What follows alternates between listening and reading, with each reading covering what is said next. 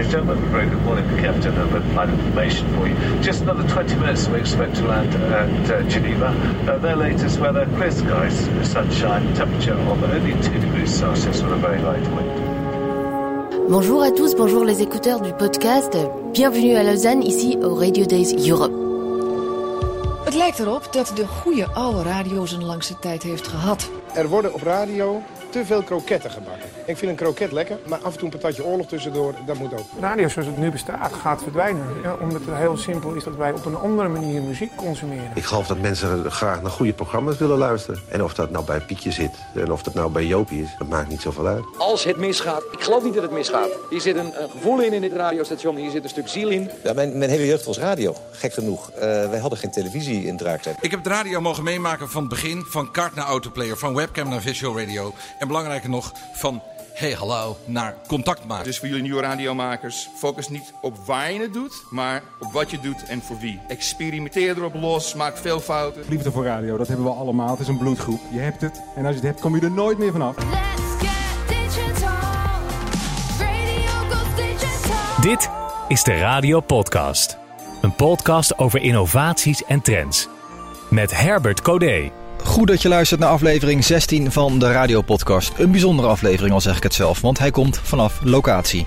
Ik kijk op dit moment uit over het rustige en strak blauwe meer van Genève. En op de achtergrond zie ik de glooiende Zwitserse bergen met op de toppen witte sneeuw. En ik zie ook een aantal roeiers voorbij komen en een enkel bootje vaart hier. Een schilderachtig plaatje. Ik ben dus in Lausanne, het Franstalige deel van Zwitserland. En dit wordt ook wel de sporthoofdstad van Zwitserland genoemd. Hier resideren onder meer het Internationaal Olympisch Comité, de Schaatsunie, Roeifederatie en nog veel meer sportorganisaties. Lausanne ligt tussen Genève en Montreux in. En in Montreux ben ik zelf een keer eerder geweest. Daar had Freddie Mercury dus een woning aan het meer van Genève, waar hij van 1970 tot 1991 verbleef. Je begrijpt het, dit is een inspiratievolle plek. In de radiopodcast praat ik over innovaties en trends met vakgenoten uit de media die voor of achter de schermen werkzaam zijn. En dit doe ik om te inspireren en nieuwe inzichten te geven, maar vooral ook omdat het heel erg leuk is om over het mooie medium radio en de toekomst daarvan te praten. Zeker in het jaar dat de radio in Nederland zijn 100-jarig bestaan viert. Mocht je deze podcast voor het eerst luisteren, beluister ook eens andere afleveringen met bijvoorbeeld programmamakers en CEO's van diverse radiostations over de toekomst van radio. Zoek daarvoor in je podcast-app van Apple, Spotify, Google op de Radiopodcast of kijk op deradiopodcast.nl. Ik ben hier in opdracht van het RAB, het Radioadviesbureau. Dat is de marketingorganisatie van alle landelijke en regionale publieke en commerciële radiostations. En naast het maken van een podcast heb ik deze Radio Days ook een aantal verslagen geschreven over de sessies die ik heb bijgewoond. Deze kan je teruglezen op rab.radio. De Radio Days is een driedaagse conferentie met als thema Sound Matters, the Future of Audio. Een mooi thema wat de hoofdvraag uit deze serie podcast beantwoordt. Waar staat de radio in 2025? En een antwoord op die vraag ga ik zeker krijgen. Want ik spreek onder andere met Charlotte Hagen over een heel gaaf onderzoek naar het audiolandschap en gebruik in 2025. En ik spreek ook met Menno de Boer, programmadirecteur van Radio 538, over de samenwerking met Tomorrowland. En ik vraag de Nederlandse collega-bezoekers naar hun takeaways van de Radio Days 2019. Ik spreek onder andere met DJ en presentator Annemieke Schollaert van NPO Radio 2, Tom de Graaf, bekend van de Q-ochtendshow als Tom van de Intercom, en ook een gesprek met Micha Blok van NPO Radio 1 en Niels Hoogland, zendermanager van NPO Phonics.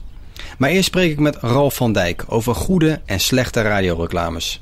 Zijn ouders zijn Nederlands. Hij groeide op in Londen en Nieuw-Zeeland en is de eigenaar van het bedrijf Eardrum in Australië. Mixed heritage, but proudly Dutch. yeah, that's right. So uh, we started the agency in London in 1990, uh, so way before you were born. Um, and uh, we moved the office to Sydney in uh, early 2000s. And since then, we've been working both in Europe and uh, Australasia. Uh, and we're an audio specialist, so we're writing and producing campaigns that mainly end up in radio, but we're also now working on audio branding, podcasts, branded podcasts. So audio is, is exploding and uh, we're growing as well. Met de opkomst van podcast vroeg ik aan Ralf, wat is nu het verschil tussen een radio en een podcastadvertentie? Yeah, well, it's the environment. So the context for a radio ad is normally in an ad break, and listeners are often passive uh, listening to the radio, and so you have to do more to cut through and stand out. You have to reach in and sort of get the listener's attention and bring them into your world. So that requires a little more uh, cut through at the beginning of the ad. In a podcast ad, you're already listening, you're already engaged, and you almost have to apologize for interrupting the thing that they're about to listen to. So the tone of voice is very different. Um, much more conversational in a podcast, much more honest and authentic, and, and very kind of um, uh, yeah organic is the best style for, for a podcast. Je hebt een sessie gegeven met als thema Why Award-Winning Work Works. Kan je uitleggen waar de sessie over ging? Yeah, well, we took the uh, a, a, bunch of award-winning ads that we know worked. Um, a lot of them we made, and we know that they work because the client always tells us. And we dissected them and found the 11 herbs and spices, um, like the KFC secret recipe, uh, the 11 herbs and spices of great, effective, creative. Um, and then we took a typical ad break, terrible ads, you know, but that the sort of ads that you hear on every kind of ad break, and we applied those herbs and spices and the award-winning thinking to three of those ads. Um, one of them is uh, for Nesquik, the, the drink that they for kids that when after a hard day's school. Um, the ad that they made is is awful. It's got this cheesy voice, terrible music, talking about keeping your kids you know refreshed and and just had zero cut through. Um, that that ad is targeting uh, grocery buyers, uh, but it would have been ignored by everyone. Every day at school, your kids are running, kicking, thinking, and learning. No wonder they come home tired and hungry. So why not satisfy them quick with a tasty glass of Nesquik? Nesquik is the simple way to keep them satisfied until dinner, with the goodness of milk and that unmistakably delicious Nesquik taste. After a hard day of school, give your family some happiness quick with tasty Nesquik. Look for it at your supermarket. Your kids will thank you for it. And now here's the version that we remade. Hopefully, you think it's better. Now, repeat after me. Au revoir. Au revoir. Au revoir. Au revoir. Au revoir. Au revoir. Au revoir. Au revoir. Au revoir. Au revoir. Au revoir. Au revoir. After a hard day's school, a glass of milky Nesquik really satisfies. Au revoir. Au revoir. Au revoir. Happiness quick with tasty Nesquik. So we took some of the herbs and spices that we uh, that we that we found that is needed to cut through. Um, surprise, um, that really helps with entertainment if you can make a listener surprised. Uh, uh, comedy, so um, if you can make the ad come alive and be entertaining. Uh, imagery, so if you can get the listener to picture the person that's talking, if they feel like they live outside of the ad as well. So you can picture them. Um, uh, confidence, so a brand that is not trying to shove something down your throat from from the first second to the last second, is happy for you to just be brought into the world and to uh, just confidently come in with their product at the end of the ad.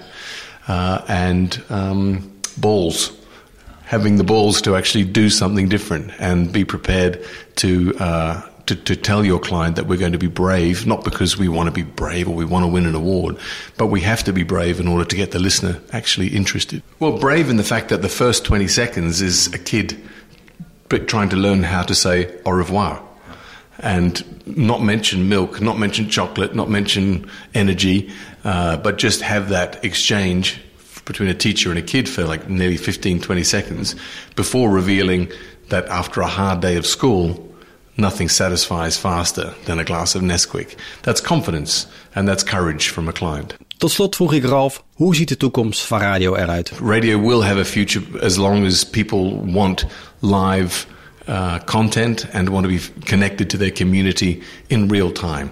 So radio's USP is is it's about me right now, and uh, podcasts can't do that, playlists can't do that, streaming can't do that yet.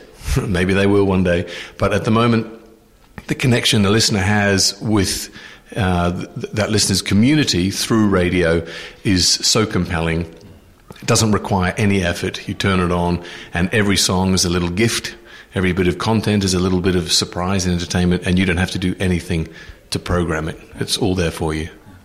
Ik ben Menno de Boer, radiodirecteur van Radio 538 en uh, heb zojuist op de Radio Days in Lausanne een case mogen presenteren samen met uh, Michael Dujardin, de hoofd marketing en media van Tomorrowland. En waar ging de sessie over? De sessie gaat over een, uh, een lang huwelijk. Ehm, heel veel partnerships slui- sluit je om, eh, om voor een korte periode, bijvoorbeeld een actieperiode waar je samen gaat werken. En eh, Tomorrowland is een, ehm, niet alleen een evenement, maar een mediamerk eigenlijk. Waar wij als 538 gewoon een jarenlange relatie mee aan wilden gaan. En hoe zijn jullie bij elkaar gekomen? Hoe is dat huwelijk ontstaan? Of relatie? Dat is best wel grappig. Dat is een technische, eh, heeft een technische achtergrond. Want ons, eh, we hadden een hoofdinnovatie bij, bij 538, Alexander Josiassen. Die had een, eh, een, een, een goede kennis die eh, de technische faciliteiten deed voor Tomorrowland. Die wist welke content er beschikbaar kwam vanuit het festival. En via die hoek kregen we door van, hé, hey, er valt heel veel te halen. Eh, we delen de liefde voor dance. Laten we eens kijken wat we met elkaar kunnen doen. Voor de mensen die Tomorrowland niet kennen, het is het grootste dancefestival ter wereld waar de meeste nationaliteiten over van de hele wereld eh, naartoe reizen om eh, eh, eh, een weekend lang feest te kunnen vieren. Er zit een hele camping omheen waar mensen kunnen verblijven. Het is echt een, letterlijk een andere wereld waar je instapt. Ehm, een wereld waar, waar geen, geen wetten, geen beperkingen bestaan. Waar mensen gewoon helemaal maximaal genieten van elkaar, van het leven en van muziek. Met name dancemuziek. Ehm en we zijn eigenlijk begonnen eh, heel simpel en eigenlijk heel saai toen met het uitzenden van sets. Eh, Tomorrowland heeft eh, honderden DJ's draaien, waarvan een, eh, waarvan een enorme overlap was met de, de, de, de DJ's die. Nou ja, er staan heel veel Nederlanders op het festival. Eh, we draaien ook heel veel tracks van eh, DJ's die, eh, die daar staan geprogrammeerd. Dus dat was gewoon een soort één op één fit op muzikaal gebied. We zijn begonnen met sets en toen waren we dat aan het evalueren en aan het praten met Tomorrowland van goh, eh, zouden, we niet, zouden we niet meer in jullie wereld kunnen stappen? Eh, en dat hebben we gedaan. We zijn er gewoon letterlijk een studio daar neer gaan zetten. En vanuit daar zijn we radio gaan maken. En vanuit daar hebben we het steeds verder uitgebouwd. Totdat we nu eh, op dit moment eigenlijk radio-uitzendingen maken. Maar ook eigenlijk een hele aparte videostrategie daaromheen hebben. Om alles wat daar gebeurt met het publiek, met dance, eh, naar Nederland te brengen. En er zijn ook heel veel Nederlanders op het festival. Dus dat maakt het ook verschrikkelijk leuk. Het is ook een, wat in België is, is er best wel veel, ook, ja, is best wel local op een bepaalde manier. Wat, is het belang voor, voor, voor jullie om, eh, om die samenwerking uit te gaan op, op, op, op basis van commerciële eh, gronden? Nou, eh, de, het eerste belang is een merkbelang. En dat is niet zozeer in financiën uit te drukken. De, de associatie met dance. En daar een, een, een speler zijn die, die begrijpt en, en, en dezelfde dingen tof vindt als jij, als luisteraar. Dat is verschrikkelijk belangrijk. Dus als een contentreden. Ehm, maar inmiddels, de- na een paar jaar, is gebleken dat Tomorrowland ook een best wel groot netwerk heeft aan adverteerders. Eh, wij natuurlijk ook als, uh, als 538 slash Talpa. Uh, en dat het ook een uitgelezen kant is om daar matches in te gaan zoeken. En te kijken of je die beleving, die ook voor de adverteerder heel erg interessant is, kunt verlengen. En dat doen we nu. Kan je daar een voorbeeld in geven hoe jullie dat gedaan hebben? Uh, ja, bij, uh, een mooi voorbeeld vind ik van afgelopen jaar met Lipton. Hebben we een WhatsApp challenge gedaan. Uh, Lipton die, die, die, die zit eigenlijk net als 538 best wel in het dance domein. Um, en we besloten vriendengroepen uit te dagen om te strijden voor een plek bij Tomorrowland. Dat festival, als dat heb ik nog niet verteld, is binnen no time uitverkocht. Dat gaat binnen, binnen voor mij binnen een minuut zijn al die honderdduizenden tickets weg. Uh, dus er zit een enorme energie achter. Uh, en door, door dat, die groepen te laten strijden, ja, dat, is, dat, dat is het leuke van radio. Dan wordt het in één keer weer heel persoonlijk. En, en, en voel je als vriendengroep daar ook weer bij betrokken uh, op een bepaalde manier. Dus ik, ik vond het een hele leuke persoonlijke manier om, om uh, toffe radio te creëren, maar ook gewoon weer dat partnership te verlengen. Want vroeger was het dus alleen maar een radio-uitzending. En inmiddels is het gewoon een soort, soort, soort timeline. Die begint al in, uh, in mei. en doorloopt in een vast ritme tot aan het festival zelf. En die WhatsApp Challenge werd dan via de radio uh, werd dat gespeeld. Ja, ja dus en, de, de, opdrachten werden op radio gegeven. De heel veel dingen vonden dus ook buiten de uitzending plaats. Maar werd je wel van op de hoogte gehouden. Dat kwam weer terug in de reclameblokken. Voor Lipton was het een heel mooie, uh, een mooie case om hun, uh, ja, het, het, het, hebben van gedeeld plezier uit te kunnen stralen. Hè, van vriendengroepen, daar toffe dingen mee willen doen. Dus dat omveld paste heel goed bij, bij Lipton en bij 538.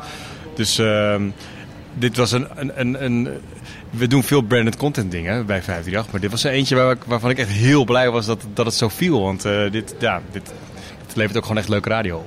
Radio 538, live vanaf Tomorrowland. Backstage op Tomorrowland met Afrojack voor de Name Drop Challenge. Dimitri Vegas, onze vrienden Sonnery, James en Ryan Marciano. Yes. Ingrosso, Axwell. Backstage at Tomorrowland with Nervo, yeah. Liv and Min. Nice to see you again, girls. Likewise.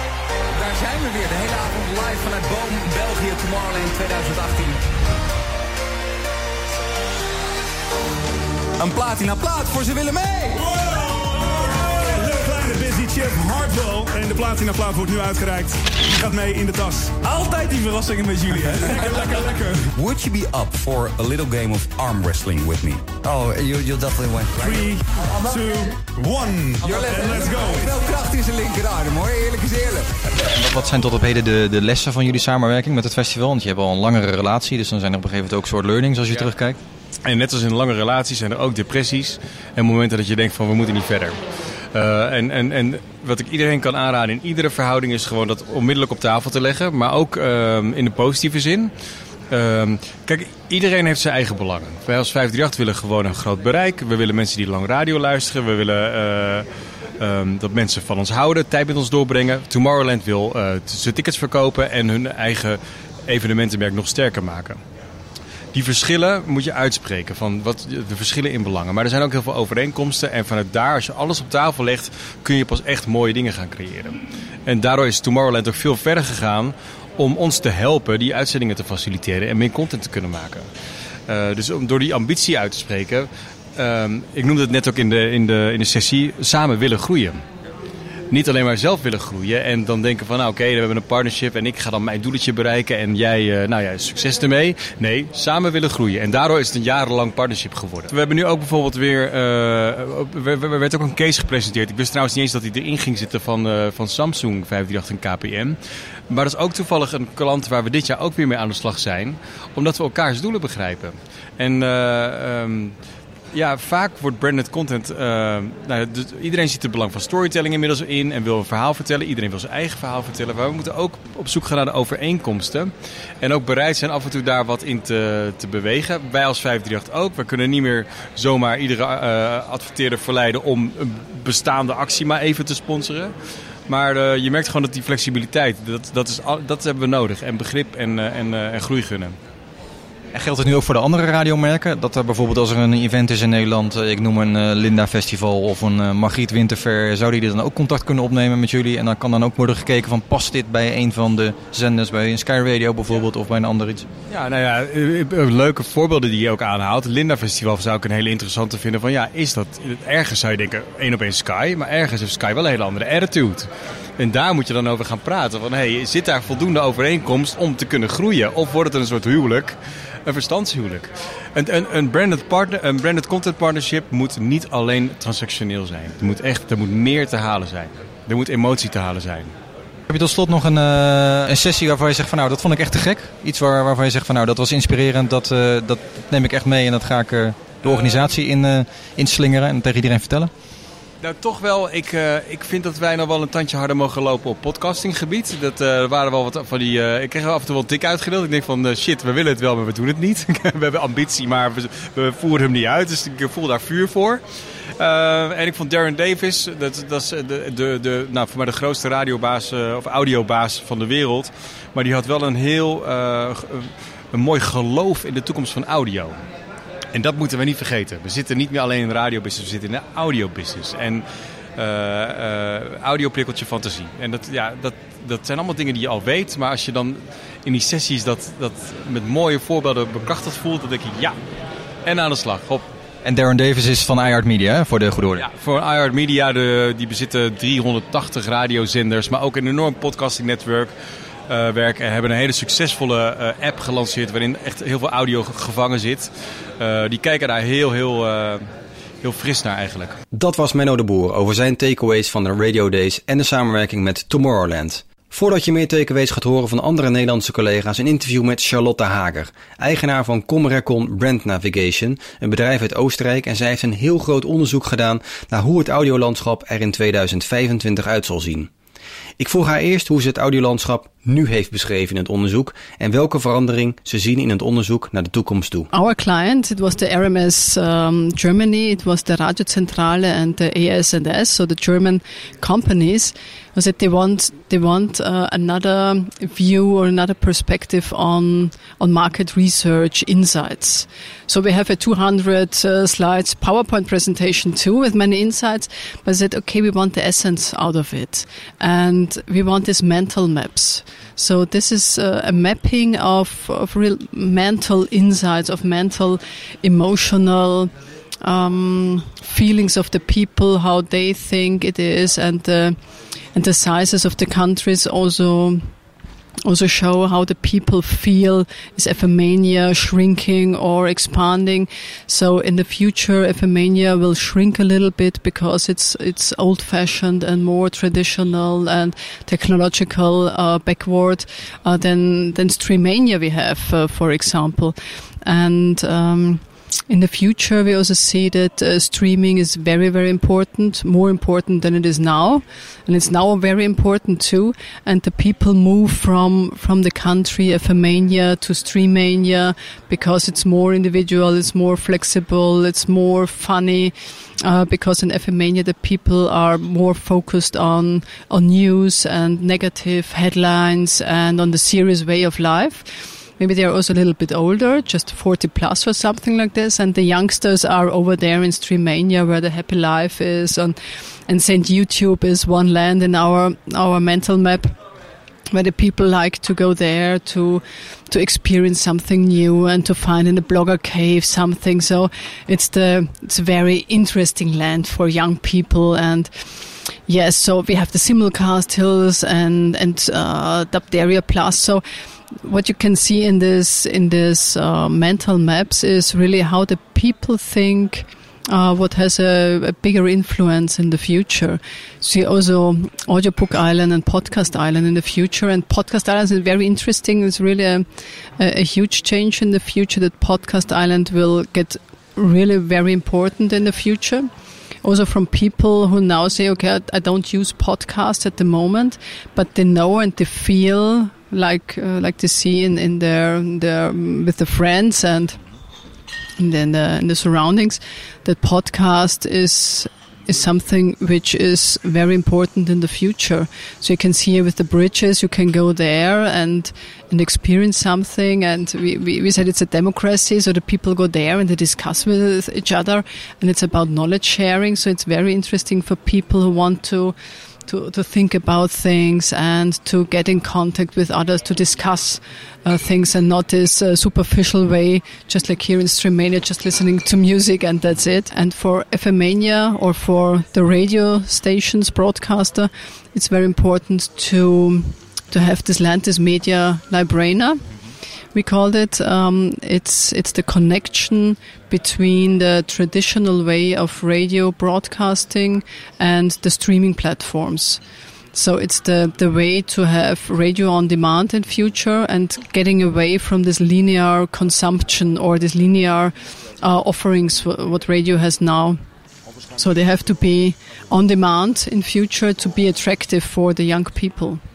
There will be a huge change from 2018 to 2025 because of the voice assistants will came up, the Alexas and Co. Um, so we, we draw a continental drift and a continental shift in our study uh, insights. And what we could see is that the people in future maybe will have one device. Maybe it could be the smartphone. Maybe it's just another device they use. But the important thing is that they use one device to combine everything um, of audio content in this one device and to mix it up and to make it very individual and, and personalized in the future. Now they have to switch the, the device to, to, to, to, switch the channels or to switch the, the media channel. But in future, they will have the one device and they can mix it up just very flexible uh, in which mood they are, wherever they are so they can do it very individual. So the people want to get connected in the future. So we, we draw the picture of the future. Um, the people want to get connected. What they do now in in uh, Spotify, where they listen to music of other people on the other side of the world.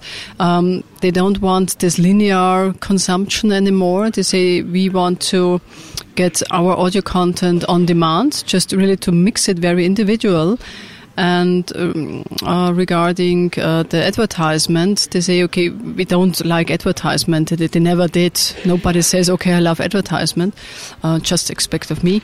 Uh, but the people don't don't want it, and they would like to to to pay for it, not to get advertisement. So in future, it will be really interesting how you can can um, communicate as a brand with the customers or the potential potential consumers. So they say okay, advertisement has to become more also more individual, more personalized. So say when it fits to my life, it, it uh, if it um, if it uh, combines with my values and my needs and my wants and my daily habits, then it is okay. But it has to be more a, a dialogical way. And not this one to one. So I have a brand, I have a product, please buy it. Uh, it has to be more integrated into the audio content, I think and the people will not think in in audio channels anymore, but more in audio content. So I think this is a a huge difference to now. Now you switch on the radio station, but in, in future they will say, okay, I love the morning show and I love this content and I want this and this and I want the news, but they don't think where it comes from. So what what's the source of it? It doesn't really matter for the for the audio user. It more depends on what's what's the content like and do I love the content and then they mix it up with the one device to their playlist of the day. And you told before about the mood of the people. They say, okay, in future I want the Alexa or whatever it is, the device uh, which recognizes my mood and plays the music or audio content which fits to my mood, and uh, life would be more more flexible and more more individualized in future. Wil je het hele onderzoek lezen? Een link staat op de website rab.radio. Op dag 2 ging ik de tekenwezen ophalen bij de aanwezige landgenoten. Als eerste sprak ik met Tom de Graaf, producer van de Q-ochtendshow. Beter bekend als Tom van de Intercom, die voor de eerste keer op de Radio Days was. Het is de eerste keer dat ik hier ben en uh, ja, onwijs tof. Overweldigend, moet ik, uh, moet ik eerlijk zeggen. Maar vind je ook niet dat er heel veel mensen in uh, zwarte pakken lopen en jasjes en... Jij bent een van de weinigen ook die hier gewoon in de spijkerbroek loopt en je jeans. En, Klopt, ik zie veel mensen die ook wat ouder zijn, oudere mannen veel van dat soort types. Ik ben samen met uh, mijn collega Jesse en Marlies. Uh, Marlies eindredacteur van de ochtendshow. Uh, en Jesse doet de avond. Die is ook wat meer van mijn doelgroep. Wat jonger zou ik zeggen. En ehm, ja, we kijken ons ogen uit. Wat, wat is de sessie die, waarvan je zegt van nou die vond ik echt inspirerend. Die heb ik, daar ga ik echt wat van meenemen. Um, dat was eigenlijk de laatste sessie van gisteren van Greg James, BBC Radio 1, de ochtendjog daarvan omdat, ja, ik ben toch eigenlijk ook uh, om te kijken hoe wij onze eigen ochtendshow kunnen verbeteren. Of nog learnings van, uh, voor, voor kunnen vinden. En, uh, dus ik was daar ook het meest in geïnteresseerd. En uh, het fijne vond ik dat daar gewoon heel veel praktische punten in, in zaten. Dus dat je te weten kwam hoe zijn team in elkaar zit. Um, hoe laat zij beginnen met vergaderen. Um, wat voor acties zij hebben gedaan. Hoe zij, hoe zij met luisteraars omgaan. Dat vond ik nog wel het meest interessant. Want als je ziet hoe zij met luisteraars omgaan, daar, ik denk dat iedereen daar wel wat van kan leren. Wat, wat is wat zij dan doen met luisteraars? Of hoe gaan ze daarmee om? Nou ja, eigenlijk um, laten ze bepaalde gaten in hun draaiboek waarbij ze zoiets hebben van... joh, je moet altijd ruimte hebben voor spontaniteit. En als er een gek appje of berichtje binnenkomt, dan um, gooien we die luisteraar gewoon in de uitzending. En dan gaan we onze, onze show helemaal daaraan wijden. En dat is natuurlijk super tof. En daardoor kregen de luisteraars, of, of zijn luisteraars, hebben daar het idee dat ze gewoon uh, onwijs veel invloed in zijn programma hebben. En, en ze voelen zich echt als een vriend van hem. In plaats van dat hij een grote DJ is of zo. Ik ben Misha Blok. Ik presenteer bij uh, NPO Radio 1. Ik presenteer iedere zaterdag Radar, consumentenprogramma. En ik maak drie podcasts. De eerste is Liefdeslessen, waarbij ik bekende Nederlanders interview over hun uh, liefdesleven. Um, ik heb de podcast uh, Radar Helpt. Een hele praktische podcast waarin je in anderhalf minuut hoort hoe je dingen moet aanpakken. Bijvoorbeeld hoe weer je insecten uit je tuin. Uh, en de derde podcast die is uh, deze week net gelanceerd, of die is kort geleden gelanceerd. En dat is Vink, de podcastgids van Nederland. Je bent voor de eerste keer op de Radio Days in Lausanne. Wat vind je ervan tot op heden? Ik vind het echt superleuk. Echt heel leuk om gewoon sowieso heel veel verschillende verhalen te horen van, vanuit verschillende hoeken. Vanuit commerciële hoeken, vanuit uh, makers. Um, ja, en eigenlijk uit iedere sessie haal je wel één of twee dingen waar je toch wel direct mee aan de slag kunt. En wat is de sessie waar je, die hoog op je favorietenlijst staat, waar je het meest van hebt opgestoken tot op heden? Uh, op podcastgebied heb ik heel veel opgestoken van uh, de sessie van iHeart Media. Uh, Media. En dat kwam omdat de spreker die zei heel duidelijk van... op het moment dat je dus podcast wil stimuleren bij mensen...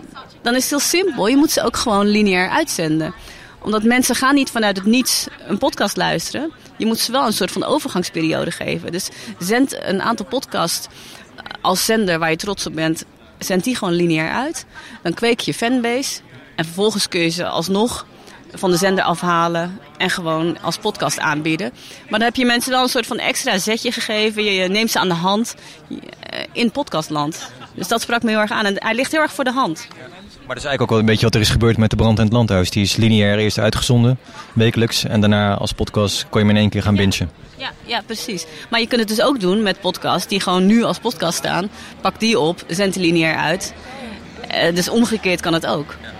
Maar dan moet je denk ik wel heel goed kijken naar het type podcast. Ik geloof er niet in dat je iedere podcast zomaar lineair kan uitzenden eh, op radio. Niet eh, de niche podcasts over, over achtbanen of zo, maar wel, je hebt natuurlijk heel veel algemene podcasts. Dus over nieuws of over, nou ja, de podcastgids zou perfect gewoon lineair kunnen. Ja, BNR die heeft natuurlijk ook een dagelijkse podcast. Die zenden die tegenwoordig weer overdag ook uit. Dus dat is het hoofddistributiekanaal. Vervolgens is die ook als, als podcast beschikbaar. En het is ook nog eens een besparingsmiddel als zender, hè? Want eh, ja, die kosten kun je weer besparen dat je geen eh, radioprogramma maakt op dat moment. Is de radio er nog over 100 jaar? In het jaar dat de radio 100 jaar bestaat? Ja, daar ben ik van overtuigd. Dat eh, zolang wij blijven, dingen blijven doen waarbij je niet kan kijken, waarbij je niet naar beeld kan kijken, zal radio blijven bestaan. Zolang wij blijven autorijden, hardlopen, de was doen, blijft radio bestaan. Want het is gewoon ideaal als je natuurlijk gewoon bezig bent met iets en je kan daarbij eh, niet eh, naar beeld kijken. En wat ik heel erg leuk vond is de ontwikkeling te zien nog steeds meer vanuit de luisteraar denken. Kijk, dat doen wij bij Radar natuurlijk al heel erg. Hè? Van, eh, we nemen de luisteraar heel serieus. Luisteraars dragen de onderwerpen aan, die gaan wij researchen. Maar ik heb hier een aantal voorbeelden gezien dat ik dacht van ja, je kan het gewoon nog veel verder trekken. Bijvoorbeeld eh, maak de luisteraars je presentatoren. Dat was een, eh, een initiatief in Spanje waarbij ze gewoon drie eh, oma's hebben gepakt en die hebben ze gewoon host gemaakt van een radioshow. Is super populair geworden, want dat willen mensen horen. Herkenbaarheid en heel dicht bij de mensen dus. En ook één stap verder qua podcast, een voorbeeld van WNYC. Ehm, geef gewoon luisteraars de tools om hun eigen podcast te maken. Ze hadden dan een voorbeeld van eh, tien dingen die ik eng vind. Ja, laat luisteraars gewoon hun eigen content maken. Eh, ik ben Annemieke Schollaert. Ik ben eh, programmamaker bij, eh, voor de Avotros bij NPO Radio 2. En ik ben hier bij ehm, Radio Days Europe voor de derde keer. De eerste keer in Amsterdam, vorig jaar in Wenen. En nu eh, ja, toch weer heel veel nieuwe dingen ontdekt. En wat, heb je, wat is de sessie die je het meest is bijgebleven, die je inspireerde? Nou, ik ben eigenlijk vooral hier eh, vanwege de sessies rond podcast. Ik zou zeggen, ga- dan naar de podcast day. Maar er zijn nog wel behoorlijk wat dingen te vinden. Ik ben eh, een beetje een, een nieuw, eh, nieuw kid on the block in de, in de podcastwereld. Maar dat, dat is met de, eigenlijk de hoofdreden dat ik hier ben. Om dingen te ontdekken. En ik heb op dat vlak echt wel wat toffe dingen gezien. Het begon meteen al toen wij maandagochtend hier waren. Het was een sessie die heet Building Community Through Radio. En dat was heel eh, inspirerend. Twee eh, Amerikaanse dames. Ik zit even te kijken waar ze nou precies van zijn. WNYC. Maar zijn ook de mensen achter eh, This American Life. En die maken hele goede podcasts. En wat zij vooral eh wilde duiden is dat je met het maken van een podcast je community, je luisteraars aan je bindt. En dat je eigenlijk die luisteraars ook kunt gebruiken en nodig hebt om die content persoonlijker en groter te maken. En ze hadden een paar hele sterke voorbeelden. Eentje was Nancy en dat is een eh, podcast voor, ehm, voor homoseks- homoseksuele mensen. Alle lagen van de bevolking, alles, alles, alles. En ehm, ja, ze halen eigenlijk de, halen wat problemen aan waar mensen tegenaan lopen. En vragen eh, eigenlijk om iedereen om advies te geven. En dat liep zo goed dat er zelfs eh, groepen zijn ontstaan. En werkgroepen en hulpgroepen. En ook gewoon ontspanningsmomenten en, en, en, en praatclubjes.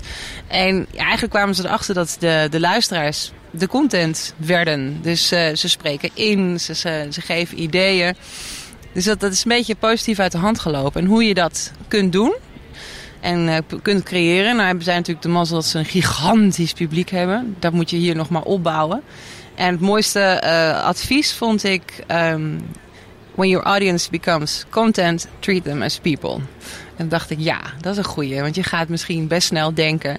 Oh, dat is handig. Nog meer, nog meer. En daar nog een voicemailberichtje. Maar er zijn ook wel eens mensen die ehm, dat doen vanuit eenzaamheid bijvoorbeeld. Of mensen die je een beetje tegen jezelf moet beschermen. Of mensen die je samen kunt brengen. Dat vond ik wel mooi. En over uit de hand lopen gesproken, jouw Wie is de Mol podcast is heel erg uit de hand gelopen. Daar bereik je een goed publiek mee. Ja.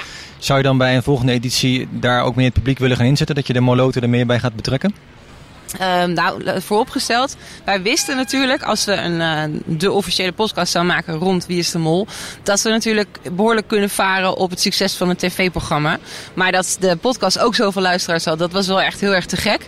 Ehm, wij maakten echt de achter de schermen, want er is al een moltalk en er wordt al gespeculeerd. Er is natuurlijk al een ontzettend leuke podcast over Wie is de Mol.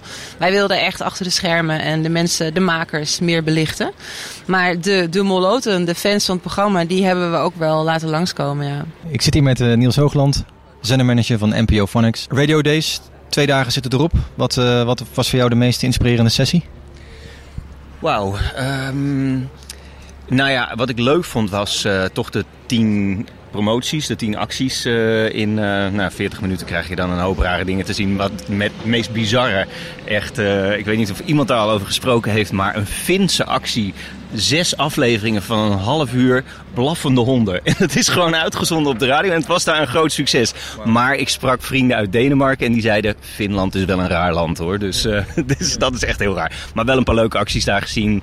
Ehm, ik vond ehm, de sessie eh gisteren, eh, Rise of the Humans, was een, een, echt een inspirerende. Lag eigenlijk best wel een beetje buiten radio. Maar daar was een verhaal wat in, in essentie eigenlijk neerkwam op... we zitten in de tijd van de digitalisering en En dat zorgt ervoor aan de ene kant dat je heel veel processen eh, kunt eh, versimpelen... en dat je dus tijd over zou kunnen houden, zou moeten houden ook.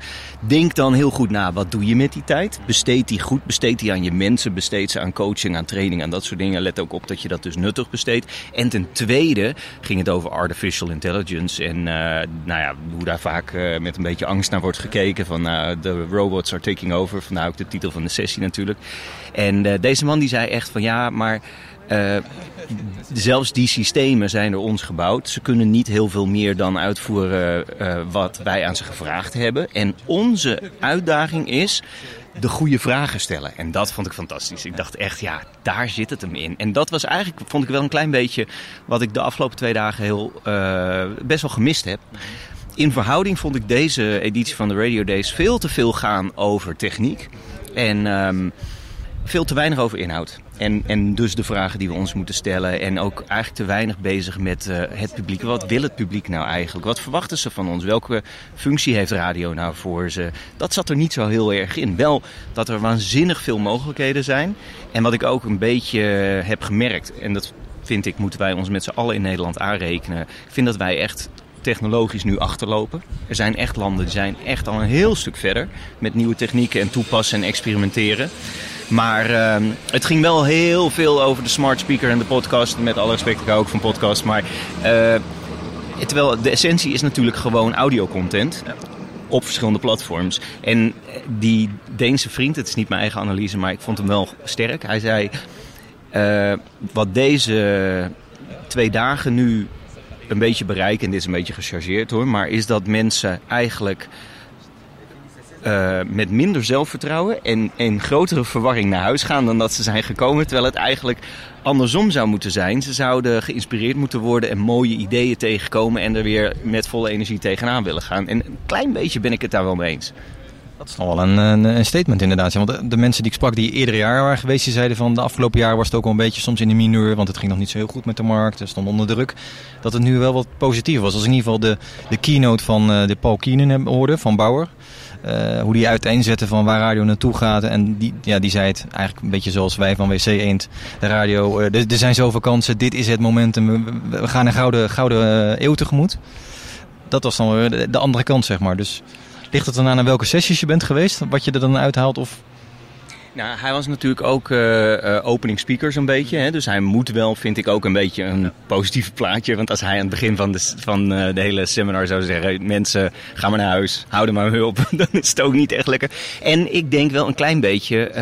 er zitten denk ik twee kanten aan dat verhaal. En zeker van hem, want zij zijn de tweede groep in Engeland. Hè? Ze hebben natuurlijk in andere landen ook nog heel veel. Maar in Engeland zijn zij de tweede radiogroep.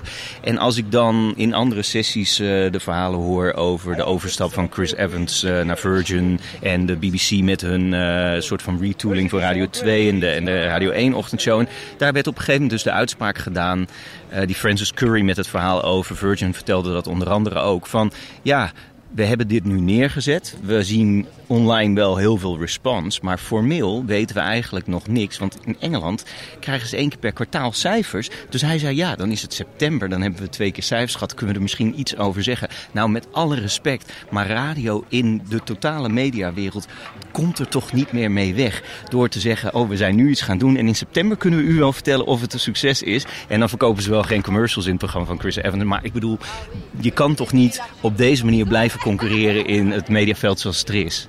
Dus ik ben het er niet mee eens dat radio er al is. Er moet vooral uh, wat dat betreft echt nog veel gebeuren. En ook in Nederland. Al moet ik zelf de Radio Days samenvatten, dan zijn er een aantal sessies die er voor mij zijn uitgesprongen. Je mist altijd meer dan je kan bijwonen, omdat er gewoon simpelweg te veel sessies zijn die tegelijkertijd plaatsvinden en allemaal interessant zijn. Maar het onderzoek van 2025, het Planet Audio onderzoek, vind ik zeer goed gedaan. Het is visueel heel sterk weergegeven, maar het geeft ook inzicht in hoe webradio, eh, FM, DAB+, het gebruik van podcast, streaming audio, hoe dat allemaal in elkaar gaat overlopen en uh, ja, hoe de consument daar via één device straks gebruik van gaat maken. Een heel boeiend onderzoek, wat je dus online terug kan lezen op rab.radio. Ik vond de sessie van Virgin Radio heel erg uh, inspirerend. Goed om te zien hoe ze dat hebben aangepakt. Um, ook met filmpjes van Chris Evans zelf, maar ook vooral uh, de marketingmanager zat er veel in. Want ja, dit is toch iets nieuws wat ze gedaan hebben. Een reclamevrije ochtendshow. En um, ze zitten dus iedere week bij elkaar om dus uh, met elkaar af te tasten. Zitten we op de goede weg? Zitten we op het goede pad? Voelt het nog steeds goed? Is onze grootste opdrachtgever Sky, is hij nog steeds blij? En uh, je ziet daar heel erg dat zeg maar, radio, de inhoud, heel nauw samenwerkt met de commercie. En dat als ze het gevoel hebben van we zitten niet op één lijn, dan spreken we dat gelijk uit en dan gaan we dat aan de kaak stellen en dan gaan we daar wat aan doen. We moeten allemaal het goede gevoel hebben bij deze missie die we hebben om een groot radiostation te worden. En dat, dat vond ik wel heel tof om, uh, om te zien in die sessie. Een andere sessie die ook kwam van een Engelse radiomaker was de producer van de Brexitcast. En dat is nou zo'n typisch voorbeeld van Ga het nou maar gewoon doen. Ga maar experimenteren. Maakt niet uit hoeveel luisteraars je in het begin hebt, maar als je erin gelooft, zeker als leidinggevende, laat zeg maar de mensen experimenteren. Wat ze dus hebben gedaan bij de Brexitcast, de naam doet het al vermoeden. Uh, een aantal politieke verslaggevers vanuit uh, Engeland, uh, die wilden iets meer doen en iets meer zeggen over de situatie van Brexit dan dat zij normaal deden als stand-up in een tv-programma of als commentator in een radioprogramma. En dan moet het allemaal snel en kort. En ja, zij zijn ook mensen, ze hebben er ook een gevoel bij. En dat wilden ze ook graag delen. Nou, dat is een van de successen geworden van de Brexitcast. Ze hebben dus drie verslaggevers in Londen zitten. één politiek verslaggever in Brussel. En die vier mensen maken dus de Brexitcast. Nou, dat werd al heel snel een grote hit. Het was een podcast wat eerst twee wekelijks werd uitgezonden. En dan heel snel werd het een dagelijks programma tot op de dag van vandaag. Ze zijn op een gegeven moment ook video's erbij gaan maken. En van die video's uh, hebben ze dan, dan weer snippets gebruikt. Die ze dan weer gebruikten voor het aanjagen en de bekendheid van de podcast. En dat leverde weer 10.000 nieuwe bezoekers op. Ze hebben over 100 uitzendingen nu inmiddels. Um, 4 miljoen streams behaald. Dus dat is een echt serieus aantal. En het bewijst me weer eens dat dit een hele mooie vorm is in het hele media-aanbod van de BBC. Dat deze podcast op een eigen tijd en eigen moment echt een toegevoegde waarde biedt voor heel veel Engelsen. Waardoor ze ook de politieke verslaggevers iets beter leren kennen dan dat ze ze altijd best wel, denk ik, stijfjes zien staan voor de camera's. Je zou het kunnen vergelijken, denk ik, met de formatievlogs van de NOS. Waar je ook een Joost Vullings en andere types toen de tijd even wat losser en even wat persoonlijker uh, de, ja, alles zag duiden rondom uh, de, de politieke situatie toen. En tot slot, wat ik heel erg vet vond en wat ik gewoon een hele goede sessie vond. Je hebt op een conferentie ook heel vaak presentaties dat je denkt: ja, dit is het net niet. Of ik wist dit al. Of het is net even, komt het niet goed uit de verf. Maar er was dus een, ehm, een eh, creative director van eh, Bauer Media Group, een van de grote Engelse radiopartijen. En die deed een presentatie over het belang van je brand sound. Zij zei eigenlijk: ieder bedrijf heeft een heel dik handboek over hoe je er eh, visueel uit moet zien. Eh, lettertypes, eh, vormgeving, logo's daar, noem maar op. Maar qua audio branding, ja, is het vaak één pagina of helemaal niets. En zij liet zeg maar zien aan de hand van een doosje strapsels. Wat gebeurt er als je het font, dus het lettertype van de strapsels verandert in, nou ja, ik noem maar op, een Comic Sans tot en met, eh, nou, nog drie, vier andere lettertypes. En een voice-over, een live stemacteur, die ging op het moment dat hij dus dat zag, het lettertype zag veranderen, ging hij dan het gevoel geven bij het lettertype wat hij zag. En daarmee gaven ze dus aan de belangrijkheid van je unieke, je brand sound. Zeker in, het, in, het, eh, in de fase van de smart speakers die gaan komen, dan moet je als bedrijf nou ja, als je daar bent, wil je ook wel een soort brand sound hebben. Je wil onderscheidend zijn ten opzichte van je concurrent. En in die sessie werd dus echt haarfijn duidelijk uh, hoe de nuances zijn in de grootte van het lettertype, maar ook de kleur en, en het type lettertype. Dat heeft weer een heel ander gevoel uh, hoe je dat kan overbrengen. Dat vond ik een zeer goede sessie. Uh, daarvan staat ook een verslag op rab.radio. Dit was aflevering 16 van de Radiopodcast. Bedankt voor het luisteren. Een volgende podcast verschijnt snel, dat beloof ik. Net als de nieuwe serie die ik aan het maken ben. De documentaire reeks, vierdelig, over de founding fathers van de Nederlandse radio... in het kader van 100 jaar radio. Deze zomer staat deel 1 in ieder geval in jouw favoriete podcast-app. Is die beschikbaar. En dat gaat mooi worden. Heb je vragen, tips of opmerkingen naar aanleiding van deze podcast of de geschreven artikelen? Stuur een berichtje via Twitter naar de Radiopodcast of mail herbert@deradiopodcast.nl. Vanuit een zonnig Luzan zeg ik tot snel.